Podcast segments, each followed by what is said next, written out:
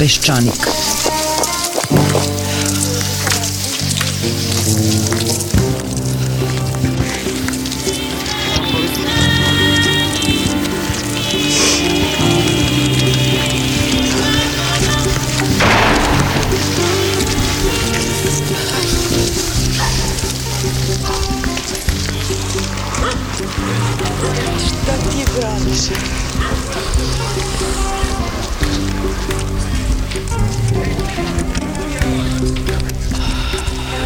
Peščanik.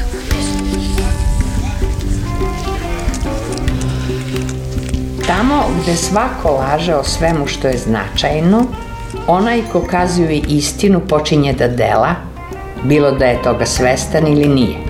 Tako se i on upliče u političku delatnost, jer u slučaju da preživi što nije sigurno, on započinje promenu sveta. Ostalo je još nedelju dana do predizborni ćutnje, a onda ćemo valjda malo progledati. Jer ovih nedelja Vučić i njegovi ulaze nam u kuću kroz TV ekrane, kroz telefonske žice, kroz prozore, kroz vrata, kroz pore.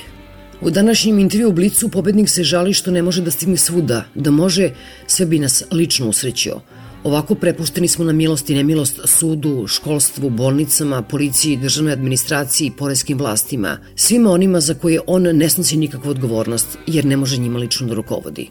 Za kraj predizborne kampanje Vučić je odabrao dobitnu kombinaciju hapšenje kredit. Za neki dan će, kaže, Darko Šarić biti uhapšen, a do tada možemo da slavimo kredit koji smo dobili od Ujedinjenih Arabskih Emirata.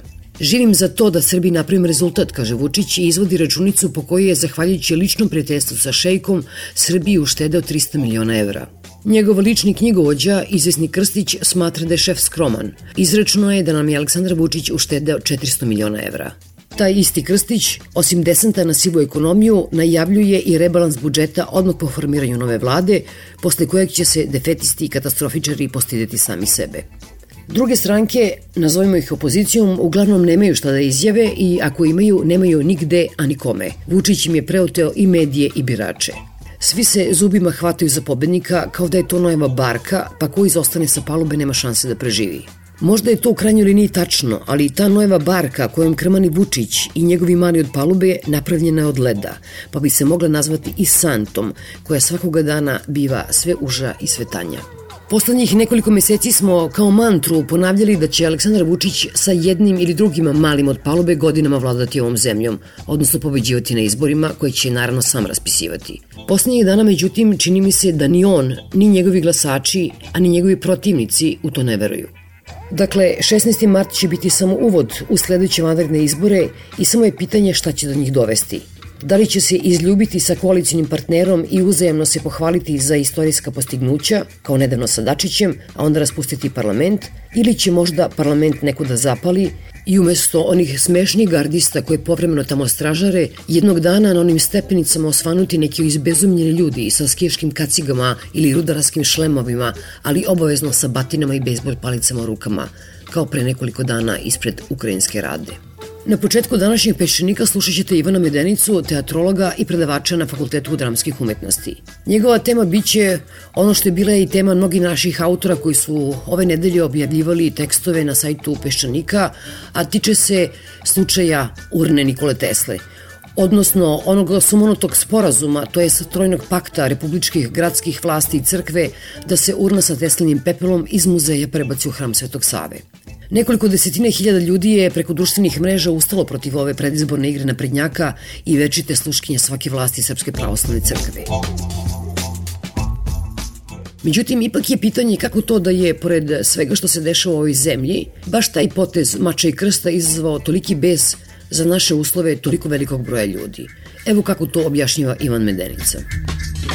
Reakcija zaista jeste bila izrazito energična, to nije bilo zaočekivati, ali ovaj, ne treba zaboraviti da vrlo često su se neki protesti, sve sa nemirima, pokrenuli zbog nekog povoda koji uopšte nije bio adekvatan onome što će se posle desiti, jeli prvo što nam sad pada na pamet je jedan park u Istanbulu. Ove, ja ne kažem niti daleko bilo da, da želim da sad prizivam neke konflikte koji bi iz ovoga sukoba oko prenosa urne mogli da proisteknu, ali nam jačina te reakcije zapravo govori da je tu prevršena neka mera, da je neka mera prevršena. Na nekom površinskom sloju, to je sasvim jasno, reč je o političkoj manipulaciji u jeku predizborne kampanje zarad jeli, ostvarivanja svojih političkih ciljeva te grupacije, odnosno ovde vrlo konkretno Srpske napredne stranke u sprezi sa Srpskom pravoslavnom crkvom. Ali mi znamo da su oni takvih marketinških gafova imali već i da su im se takođe vratili kao bumerang, ali na jedan ipak drugačiji način. Ovde mislim naravno na slučaj Feketić i na tu glupost sa mislim prvim potpredsednikom vlade koji gologlav juri po snegu i spašava decu, ali to se vratilo kao bumerang naravno, ali u jednom parodijskom ključu. U ovom slučaju se ipak udara na mnogo stvari. Ja mislim da je najviše ugroženo u tom celom slučaju ono elementarno osjećanje za pravdu i poštenje. Jednostavno Tesla nije zaslužio svoj svojim likom i delom, da se upravo ovako nešto s njim pokuša da napravi. E sad, naravno, postoje se pitanje šta je tu zapravo sve problem. Znači, jedna stvar je evidentna, da je to manipulacija za određenu političku svrhu u jeku kampanje i da tu zapravo crkva, mislim, staje na stranu jedne političke opcije ili da je zapravo jedna politička opcija se ponudila da nešto što crkva već duži niz godina pokušava da uradi, jer ovo nije prvi put da oni to pokušavaju, e sad su našli partnera koji će im to zarad svoje kampanje ostvariti. Ajmo da krenemo od nekog možda i najjasnijeg nivoa, a to je taj neki pravni. Mislim, da li oni imaju mandat da tako nešto urade.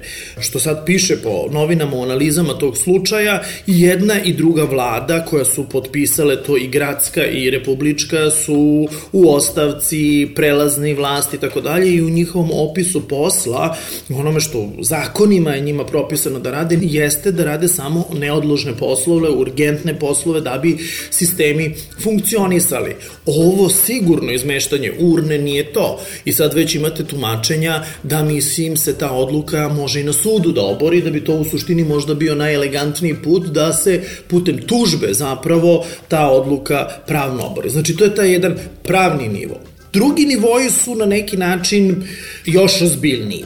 Postavlja se pitanje, dakle, da li je urni kao takvoj, znači nečim posmrtnim ostacima, mesto u nečemu što je muzej, što je ustanova kulture, ili mu je mesto na groblju, crkvi, ili ukoliko je o nekoj značajnoj istorijskoj osobi reč. Tu se čak mogao čuti argument da postoje i određene zakonske odredbe, određene stavke u zakonima po kojima se u ustanovama kulture mogu čuvati posmrtni ostaci samo ukoliko imaju određenu istorijsku vrednost, ukoliko se na osnovu njih može rekonstruisati neka istorijska epoha, biti izvor o razumevanju određene epohe, dakle, ne znam, sarkofazi, mumije i tako dalje. Sve da je to tačno, ne znam, možda to postoji, postavlja se pitanje kako je to sad postao problem baš u ovom trenutku, a nije bio problem od kako je ta urna doneta iz Amerike i od kako je taj muzej Nikole Tesle uspostavljen, a to je bilo, dakle, 50. godina prošlog veka. Dakle, čak i ako bi te neke zakonske odredbe postojale koje sprečavaju da se urna Nikole Tesle čuva u muzeju Nikole Tesle, meni se postavlja pitanje da taj zakon mora da se menja. Opet ne zbog nekog opšteg principa, nego upravo zbog specifičnosti slučaja. Dakle, čini mi se da bi, ako taka zakonska odreda postoji, ona morala da ima jedan pod, kako se to sad već zove, ono, alineju, u kome se kaže, ali ovo se ne odnosi na Nikolu Teslu, imenom i prezimenom. Zašto? Zato što tu sad, čini mi se, u tim, kao onim rušskima troškama, babuškama, dolazimo, čini mi se, do jezgra problema. To je udar na ono što Nikola Tesla bio i na ono što Nikola Tesla reprezentuje. E sad, i kad to kaže kažete, neko će mi reći, pa šta, ti ti me hoćeš da osporiš da je on bio srbin i pravoslavac? Ne. Mislim, to niko ne osporava. Čak, evo, kad čitamo sada u kontekstu cele ove afere izvešte iz Hrvatske, vidimo da samo neke minorne političke snage i pojave u Hrvatskoj hoće da ga proglase Hrvatom. Zna se da je on poreklom iz Like, koja je deo Republike Hrvatske, te u tom smislu on jeste iz Hrvatske. Takođe, mislim, zna da je bio srpskog porekla, da je bio sin pravoslavnog sveštenika, pravoslavac po krštenju i tako dalje. Dakle, kad kažemo da Nikoli Tesli nije mesto u pravoslavnom hramu, mi time ne osporavamo činjenicu njegovog porekla. Mi time hoćemo da kažemo jednu drugu stvar, a to je da on svojim delom prevazilazi svrstavanje uz bilo koju oficijalnu religiju. Bilo na pravoslavna, katolička, protestantska, muslimanska, budistička. E sad, i ova teza je problematična. Zašto? I čini mi se čak da i ove naučne neke asocijacije koje okupljaju u mlade naučnike iz prirodnih nauka idu na tu liniju. On je bio genije, iz oblasti prirodnih nauka, prirodne nauke po definiciji nekoj, jeli, ja ovde pokazujem znake navoda, po nekoj definiciji prirodne nauke ne mogu da imaju nikakve veze sa religijskim konceptima, oni su u direktnom sudaru i samim tim vezivati Teslu za određeni religijski kult je problematično. Ovo je isto simplifikacija, jer prvo ne mora da znači da su naučna istraživanja iz oblasti prirodnih nauka, fizike, matematike i tako dalje u potpunosti odvojena od bilo kakvih duhovnih, spiritualnih koncepata. U slučaju Nikole Tesla mi vrlo dobro znamo da je njegovo interesovanje za prirodu, za kosmos, bilo vezano sa jednim oblikom spiritualnih istraživanja koje znamo da su poprimale čak i neke mističke dimenzije i tako dalje, nalikovali nekom misticizmu. Znači, U slučaju Nikole Tesle teško je reći on je bio prirodnjak, dakle interesovalo ga samo egzaktni zakoni prirode, sve što su te duhovne nadgradnje, to apsolutno on je bio ateista i to ga nije interesovalo. Ne, to nije tačno za Nikolu Teslu reći, ali je tačno reći da ta njegova interesovanja to njegovo bavljenje spiritualnošću ili već kako god to da nazovemo nije moglo da se ukalami ni u jednu religijsku dogmu, ni u jedno eh, jednoznačno religijsko učenje. I sad, ako proveravate njegove izjave, ako se bavite malo tim šta je on na temu religije govorio, što sam ja sad ovih dana radio, čekirao malo po sajtovima, tražio, prisjećao se nečega što sam svojedobno, jeli smo svi učili,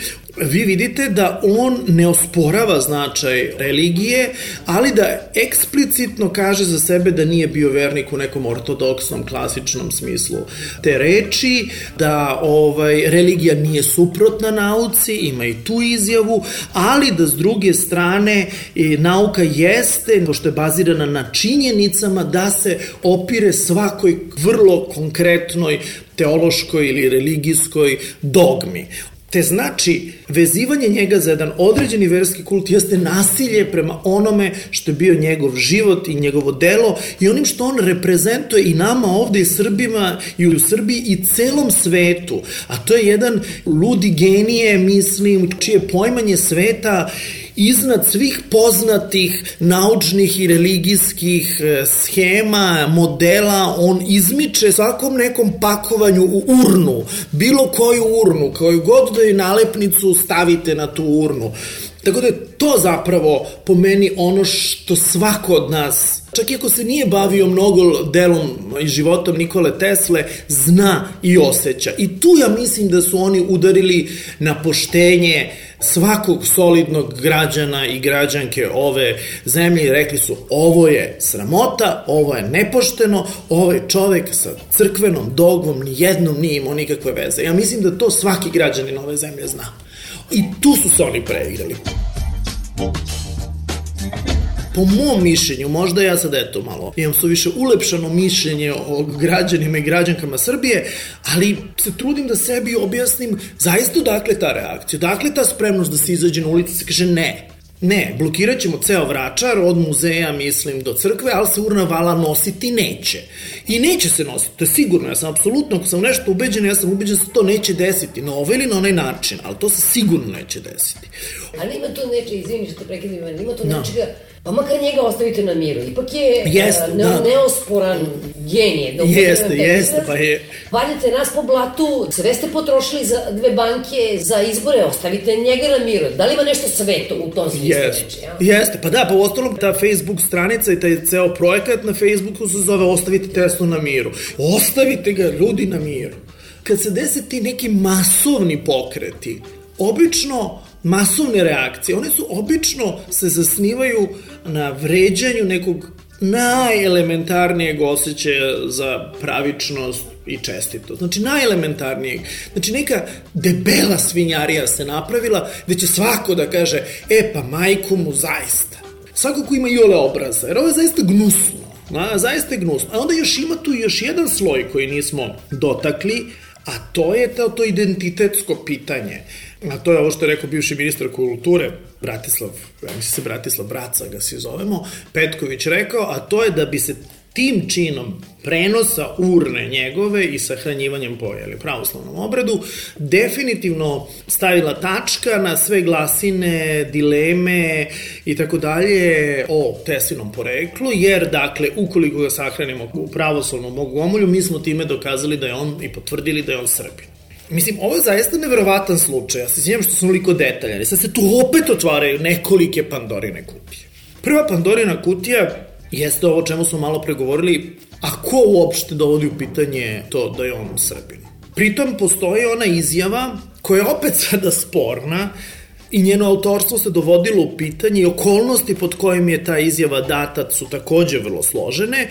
Naime, ta čuvena Teslina izjava da se ponosi svojim srpskim poreklom i svojim hrvatskom domovinom. Dakle, vrlo se jasno identitetski pozicionirao i to na jedan način koji je jako emancipatorski za sadašnji trenutak tih identitetskih pitanja na teritoriji bivše, bivše Jugoslavije. Dakle, ja jesam građanin te zemlje i ona je moja domovina i ako imam neko domoljubno osjećanje, imam je i prema toj zemlji, ali znam kog sam etniciteta i da to sad ne mora i koje vere i da to sad ne mora da se poklapa i to je to shvatanje identiteta kao nečega što je jedna kompozitna struktura sastavljena često od protivurečnih delova, to je taj neki, ajde kažemo, dekonstrukcijski koncept identiteta, ne esencijalistički, to ja sam Srbin iz Srbije, pravoslavac i da sad stalno imate neke tautologije, stalno nešto mora da se isto istim potvrđuje. Znači, to kad braca Petković, mislim, kaže da treba sada nešto da se učukava ekser u glavu svima nama da je ovaj Srbin, Srbin,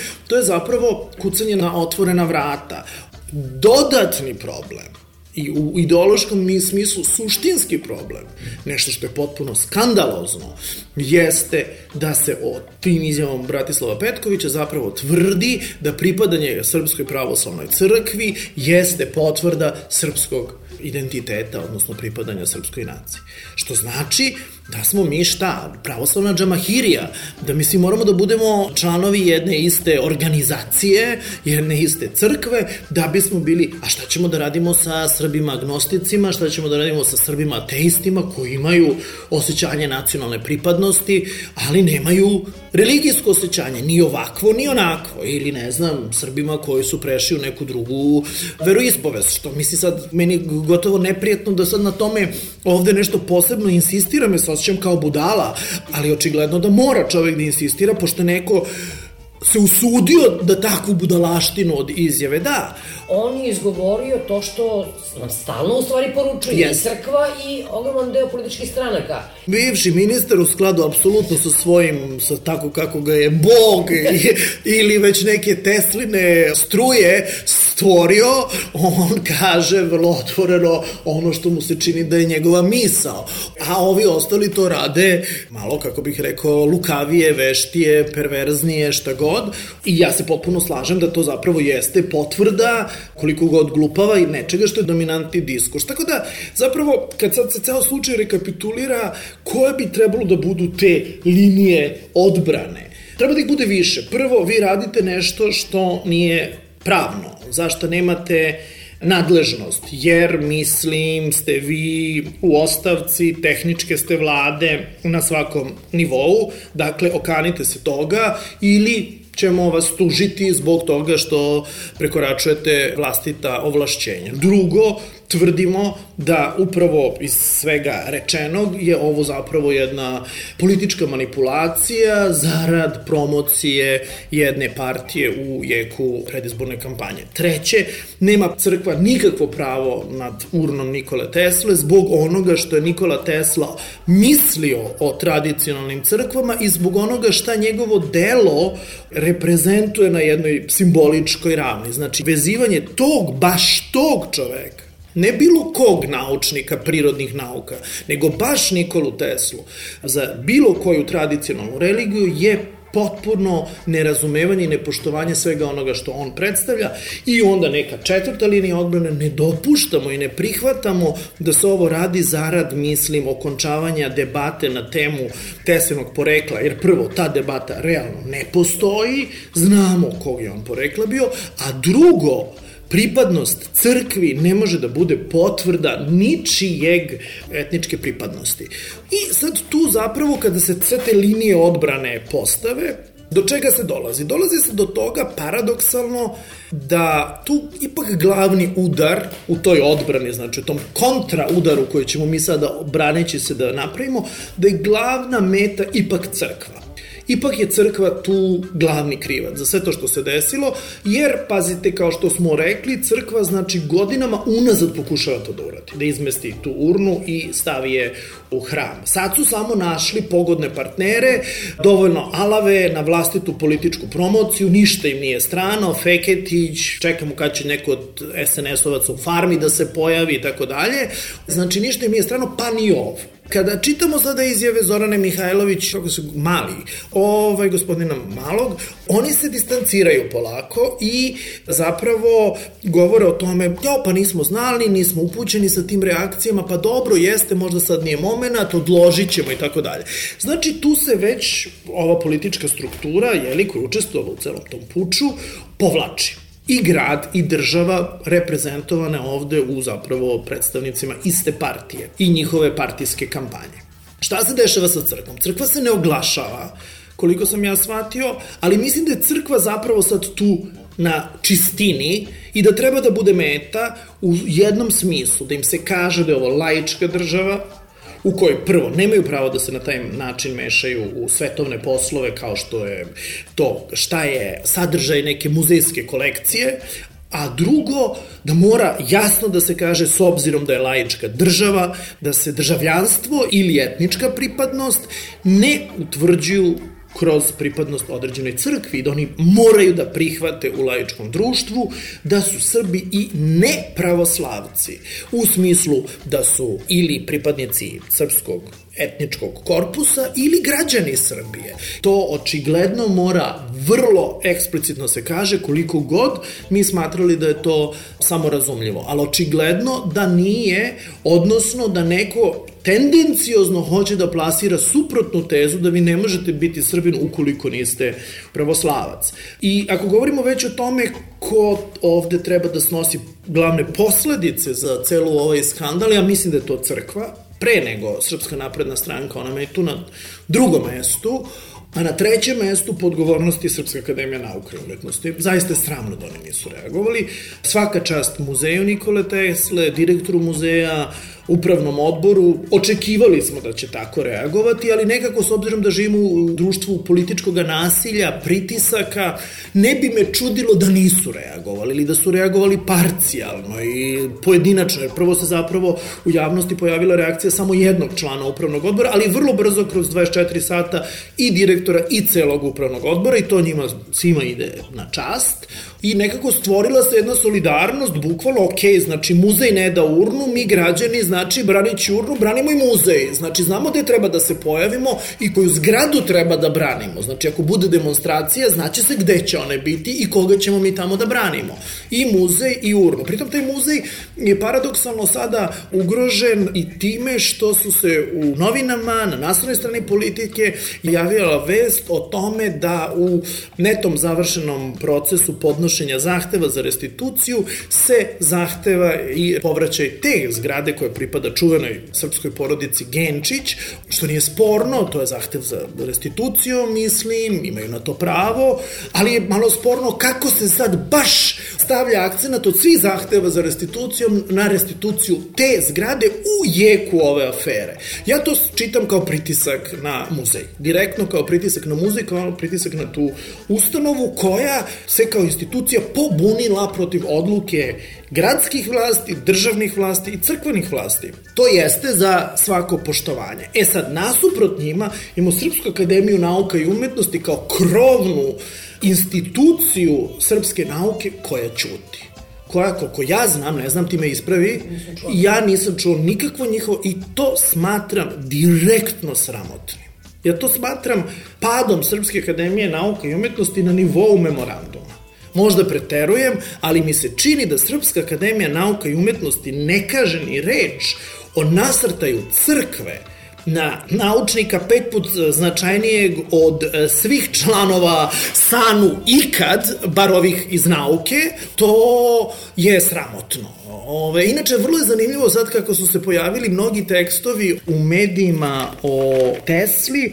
Saznali smo podatak koji govori jako puno o nama, da Teslu, tada Kraljevska Srpska akademija nije prihvatila za redovnog člana 1892. čini mi se godine, pa su ga tek posle prihvatili za dopisnog, a redovni je postao negde 30. 1930. neke pred smrt. Dakle, Srpska akademija nauke i umetnosti ima i tu istoriju bolesti sa Teslom da kada je prvi put bio kandidovan za dopisnog člana nije bio prihvaćen, tako da verovatno oni imaju više standarde nego su oni koje Tesla postavio.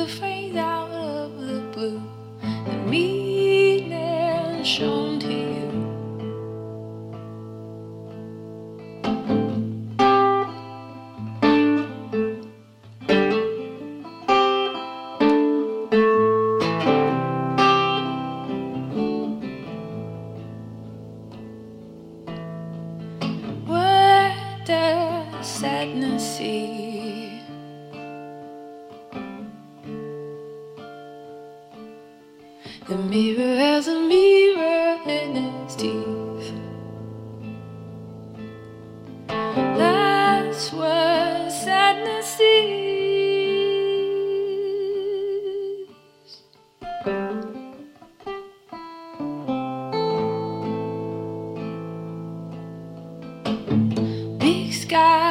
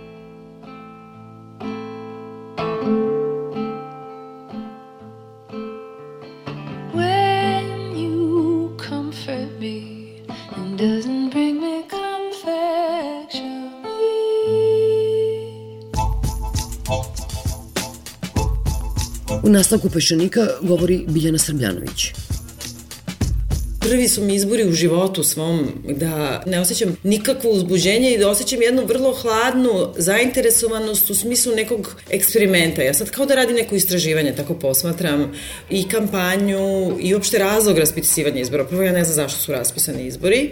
Logički razumem zašto su raspisani i razumem da tu čak i postoji neka, kako god da meni ne odgovara ta slika, ali postoji i neka politička pravda u tom smislu da sada ta stranka koja je najjača želi da kapitalizuje svoju snagu i da se to jednostavno i uspostavi brojčano i, i bukvalno ja mislim da ta stvar jednostavno treba da se legitimizuje i da mi treba to da prihvatimo, da je ovo društvo ovog trenutka u jednoj prilično komotnoj većini okrenuta stranci na vlasti i da to jednostavno treba da se potvrdi tim izborima. Ja nikad u životu nisam glasala za tu opciju, niti ću ikada glasati, niti mogu, ali ja nemam nikakvu potrebu ovog trenutka da ulazim u bilo kakvu rovovsku borbu protiv te vlasti. Jer ono što mene zanima su oni izbori s posla.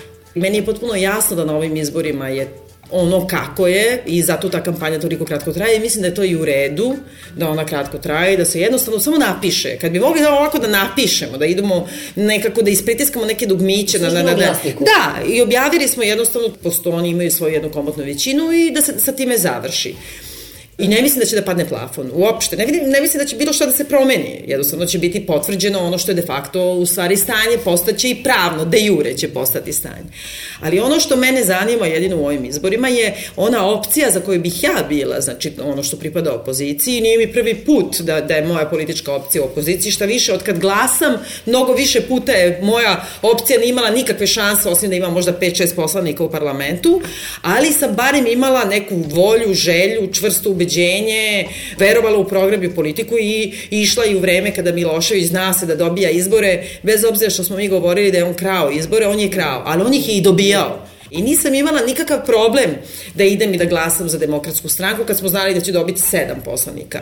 Ili da će, ne znam, Šešelj da ubije u Rakovici Pekića. Bez ikakvog problema ti ideš i agituješ i dalje za tog Pekića, jer je to nekako ti čvrsto veruješ u to, ti znaš da si u velikoj manjini i tad je vrlo opasno i tako dalje, a ti u to veruješ. Ja sad do ovog trenutka sam objektivno pogledala najpre zašto se raspisuju izbori, ja ne vidim zbog čega, a zatim i šta su moje političke opcije, kao da nemam nikakvu predistoriju glasanju, kao da sam neki tako, eto, došla, pošto ljudi u stvari tako i glasaju, znači ne bi se menjala ta gotovo dvotrećinska većina tako lako ako oni ne menjaju potpuno svoje stavove. I zaista ono što se nudi, ne postoji niko ko zadovoljava i ole minimum mojih kriterijuma koji su mi potrebni. Prema tome, da bih ja uopšte mogla da govorim bilo šta protiv vlasti, Dakle, svi znamo, još i špice peščanika iz 2000 šta ja mislim o toj vlasti.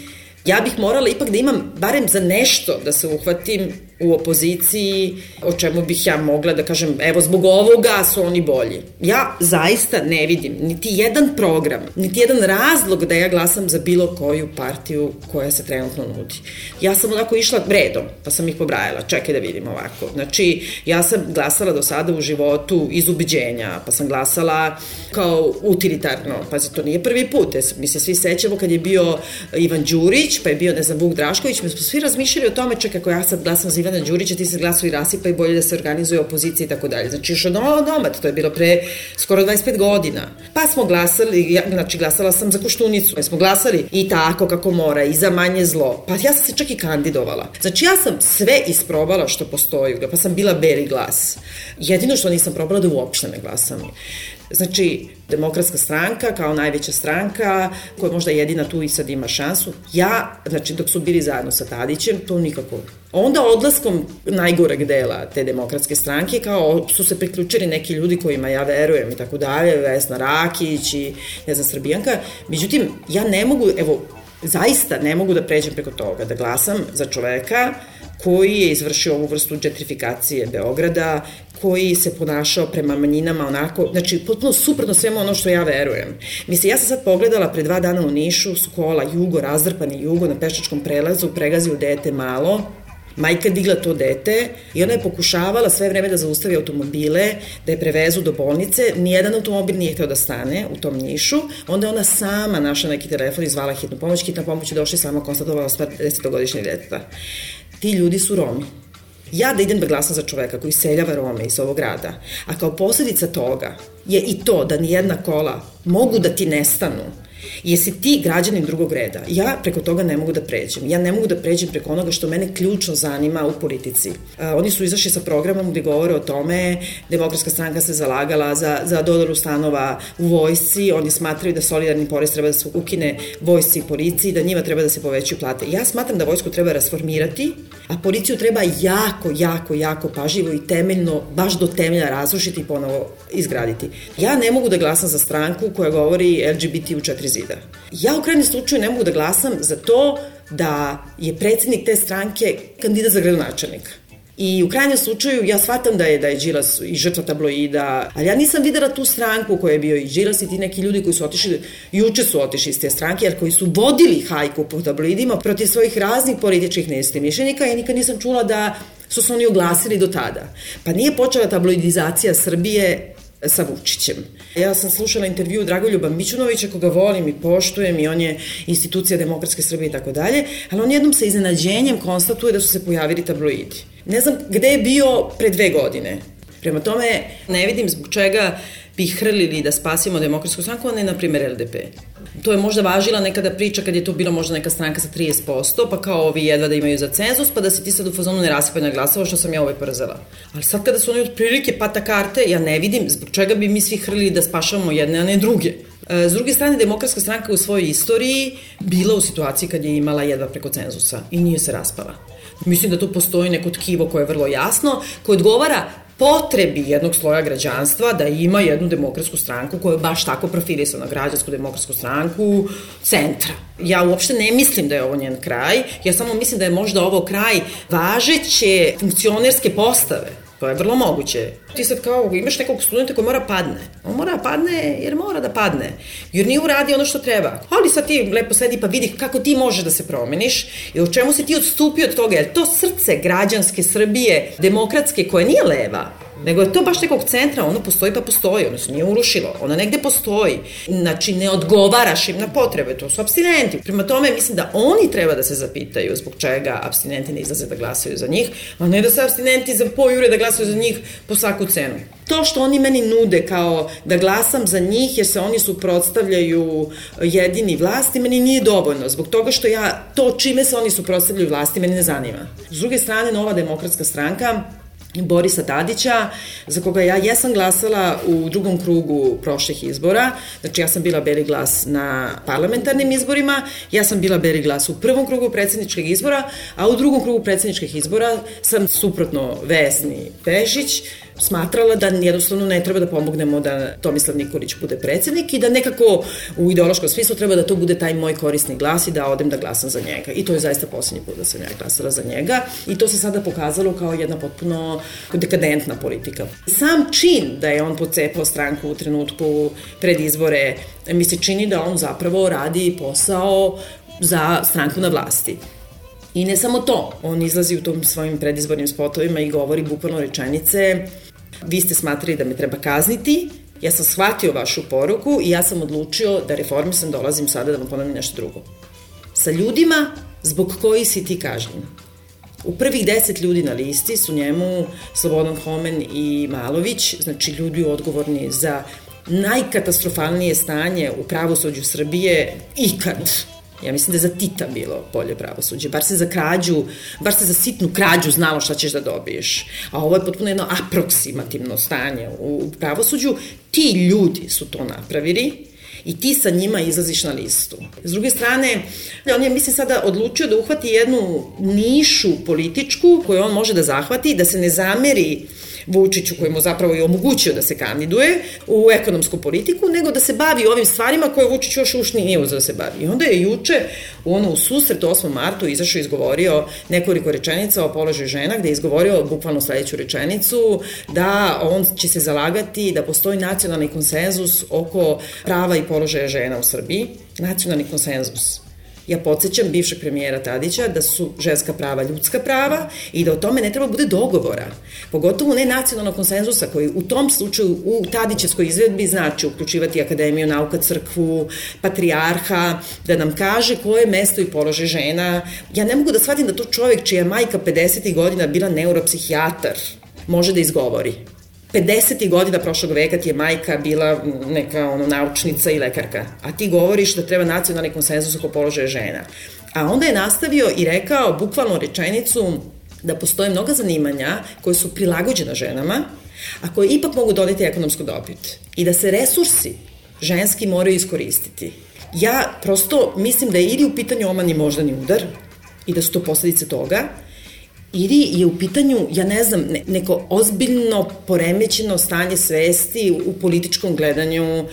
Ja ne znam šta je prilagođeno zanimanje za ženu. I da li je to taj nacionalni konsenzus, da li to sad muškarci, starešine raznih nacionalnih institucija treba da se dogovore koje je to prilagođeno zanimanje za ženu, koje su to zanimanja? Da li su to zanimanja u rasponu od negovanteljica, gerontodomaćica, seksualnih radnica, učiteljica, kasirki? Ja sam skandalizovana tim nastupom Borisa Tadića i uopšte ne mogu da shvatim da iko može da pomisli ikada da ide da glasa za njega. Znači, nakon ove rečenice, ja mislim da žena koja ide da glasa za Borisa Tadića, zapravo je za lutara i treba da glasa za treću Srbiju. Onda postoje ove manje neke opcije, kao što su, ne znam, Radulović, LDP i tako dalje. Za LDP sam rekla u životu sve što sam imala da kažem, moja tačka ispod koje crta, stvarno sam najotvorenije prišla onako da vidim za koga da glasam, ispod koje ne mogu da idem, ja ne mogu da glasam za Zukorlića i to je kraj znači deveti čini mi se na listi LDP-a govori o tome šta je u stvari pravi položaj žene. I kada danas intervjuiše Natašu Mićić da progovori nešto o tome, ona govori sve religije imaju neke svoje začkoljice. Znači da žena koja je bila dovoljno hrabra da bude vede predsednika države u trenutku kada je pokušaj vojnog udara, puča, da stane tamo, da kaže proglašava vanredno stanje, da zna da tog trenutka mogu da je likvidiraju. Znači da je ona 2003. bila to da ona došla do toga da kaže sve su religije iste, one su, imaju svoje začkoljice, pa ne bi mi to. I sad bih ja trebala da glasam za njih da bi ona sedela u parlamentu, ali ona mene ne predstavlja. Prema tome ja to ne mogu. Što se tiče belih listića, to je jedno moje ozbiljno razočarenje, ali ne čak ni toliko razočarenje Čini mi se da su beli listići ovde isto tako na neki način u javnosti prihvaćeni na jedan nezreli način kao da je i to bila neka partija, politički program. On jedna, jeste bio jedna politička misa, ali ona nije imala, nije Vlado Parevićević izmislio bele listiće, da se dogovorimo mi. Vesna Pešić nije ni bila beli listić. Mislim, ja ne znam zašto nju stalno ženu optužuje, vi ste bili beli listić, a sad ste ovo. Nije, ona je glasala za SNS, ona je pozivala da se glasa za Tomu Nikolića.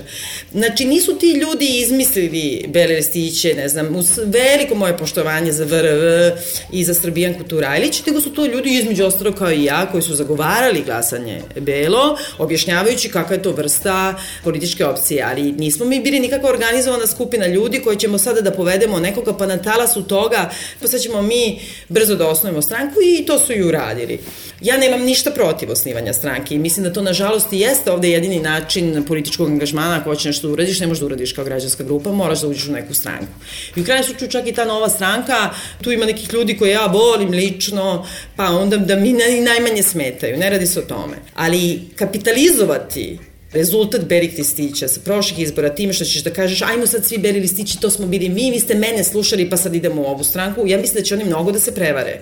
Ako računaju na to, pošto nisu ljudi veverice i niko nije slušao Vladu Pavićevića, potišao da glasa, super, meni Vlada, volim ga, mnogo je sladak. Ali ja mislim da on mora da zaboravi samu činjenicu tome da neko išao potrčao za njim da glasa belo, jer mu je Vlado objasnio tako, a sad pošto Vlado rekao ajmo sad svi ovamo, svi ćemo tamo. Znači da tu vrstu o ruk političkog angažovanja mora da zaboravi. Da ljudi koji su bili beli listići, bili su to iz nekog protesta. Ja ne vidim šta je vama drugo program osim ajmo beri, bili smo beri, a sad nemoj više nego ajmo za mene. Ajmo svi tamo, trči tamo gori, pa trčimo za tobom. To je jedno potpuno infantilno gledanje na politiku i ja ne pristajem uopšte da me se stavlja na taj način u tor moramo ovako i moramo onako. Te u tom smislu ja nemam za koga da glasam. Mislim da isto je ovde veliki fokus na to i velika omraza na, na Vučića, a ja i dalje ne mogu da se otrgnem toga da je najveće ovde zlo i najveći problem ovde ta SPS-ovska struktura koja je potpuno rasformirana, pogotovo u policiji i u tajnoj policiji, u tim parapolicijskim formacijama. Ja sam gledala sada danas na svim novinama, imaš slike dva nasmena starca koji su juče išli na svedočenje u specijalni sud uh, kao svedoci pozvani povodom ubistva Slavka Ćuruvije. I sad dolaze Frenki Simatović i Jovica Stanišić jedan i krhvog zdravlja i po savjetu advokata se poziva na peti amandman, verovatno, te odlučio da odbije da svedoči. A drugi je došao i rekao, ja se nisam bavio uopšte time, nisam čuo uopšte. Mi smo nešto malo pratili Draškovića, a ja sam inače se bavio informatikom u policiji, jer ja sam, i sad citiram Frenkija Simatovića, kibernetičar od 1993. godine. Bato, ti si kibernetičar na markalama, pucajući i organizujući likvidacije civila, ti si kibernetičar u štrpcima. I sada ti sa slobode, kao jedan stari nasmejani čika, kao u šetnje Karamegdanom je navratio u specijalni sud gde je došao, nasmeo se u brk belim kostima svih žrtava i rekao, ja nemam pojma o čemu vi pričate i u stvari poručuju ne možete mi ništa. I ja sad razmišljam dolazeći kod tebe, da li ja smem da izgovorim ime Jovice Stanišića i Frenkija Simatovića 2014. godine i moram da ti kažem da izgovaram sa velikim strahom i zemljom u srcu ta dva imena i dan danas. I to su ljudi iz te SPS-ovske strukture koja se nikad nije rasformirala, koji te drže za gušu, njihova je omladina, njihovi su unuci, ovi razni Dunjići i svi ovi navijači zbog kojih ne smeš da izađeš u grad, jer naletiš na njih, a ne može policija da ih nađe, koji imaju po 400 krivičnih prijeva, a ne može niko da ih privede, a ja izađem jednom u grad pa naletim na njih u kafiću. To je jedna struktura koja je toliko instalirana ovde duboko, onako ukopana u temelje ovog sistema, čiji je politički predstavnik Socialistička partija Srbije. I bukvalni, jer oni drže policiju. Prema tome, što se mene Ričo tiče, fokus na Vučića ovog trenutka meni uopšte nije. Mene zanima fokus na tu nerasformiranu hobotnicu, čiji legitimni politički predstavnici su razni dačići i ljudi oko njih. I ako ćeš već protiv nekoga da se boriš, ti se bori protiv njih. A ja imam utisak da je sve ovo drugo, ta priča o cenzuri u medijima. Pazi, pa mediji su mnogo pa bili slobodni od 3-4 godine. Pa nemoj, molim te to da mi pričaš. Esnaf je urušen do te mere. Da li ti sad danas imaš neki analitički tekst o tom nastupu Jovice Stanišića i Frenkija Simatovića na specijalnom sudu? Ne, zbog toga što je Dejana Stivić posljednji put kada je pisao o tome 2003. popio bombu I nema nikog od onda da govori. A ne zbog toga što ne smeš da pišeš o svadbenom kolaču Vučića, nego zbog toga što ti ne smeš da pišeš o Frenkiju i Jovici Stanišiću. I što ti u suštini ne smeš da takneš u to gnezdo koje je potpuno ostrano i rasformirano. Koji bre novinari, koji je esnaf? Ja da pričam o kuriru i o tabloidima, alo, ja stvarno mislim da nema potrebe. Ali izvini, moram te pogledati blic. Oni čime su se bavili mesecima je da raskrinkaju nekoliko kako su gulišavih savjetnica u Ministarstvu svojnih poslova.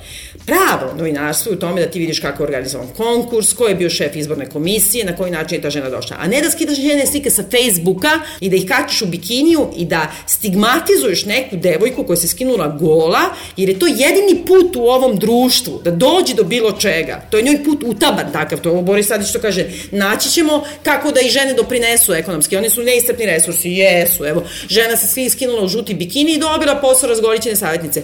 I sad ti žigošeš tu savjetnicu, kradući njene slike sa Facebooka, umesto da se bavi suštinom, koji to muškarci batu u kostimu, kupaćem kostimu, drže to mesto i šta su oni dobili za uzvrat da nju postavi. Da li je to sistem korupcije putem prostitucije, putem čega? U jednoj veoma važno. Znači, ministru dlaka s glave nije falila, ali važno da su oterali u sramotu razgolićenu savjetnicu. Znači, meni to novinarstvo ne zanima uopšte. Prema tome, nemoj mi pričati o kuriru, da mi ne kažete istovremeno i ovo. I nemoj da mi pričate o vremenu, o časopisu Vreme koji se bavi isključivo, izvinite molim vas, opravdavanjem Milorada Miškovića i ničim drugim. A, I svakim ko se suprostavi tome da popije neku vrstu toplog zeca. Znači, ne možemo uopšte da razgovaramo ovde o cenzuri medija, jer medije ne postoje. Tako da sve zajedno mi se čini da je jedna, za mene u ovom trenutku, ni jednoj mojoj intelektualnoj političkoj potrebi, ni jedne novine, niti jedan medij, niti jedna politička grupacija, stranka, partija ne odgovara. Možda nema za Rajka Kapa, ja se slažem, i možda je problem u Rajkovoj glavi, a ne u kapi, ali ovom Rajku ovde koji vam govori je draža njegova lična glava.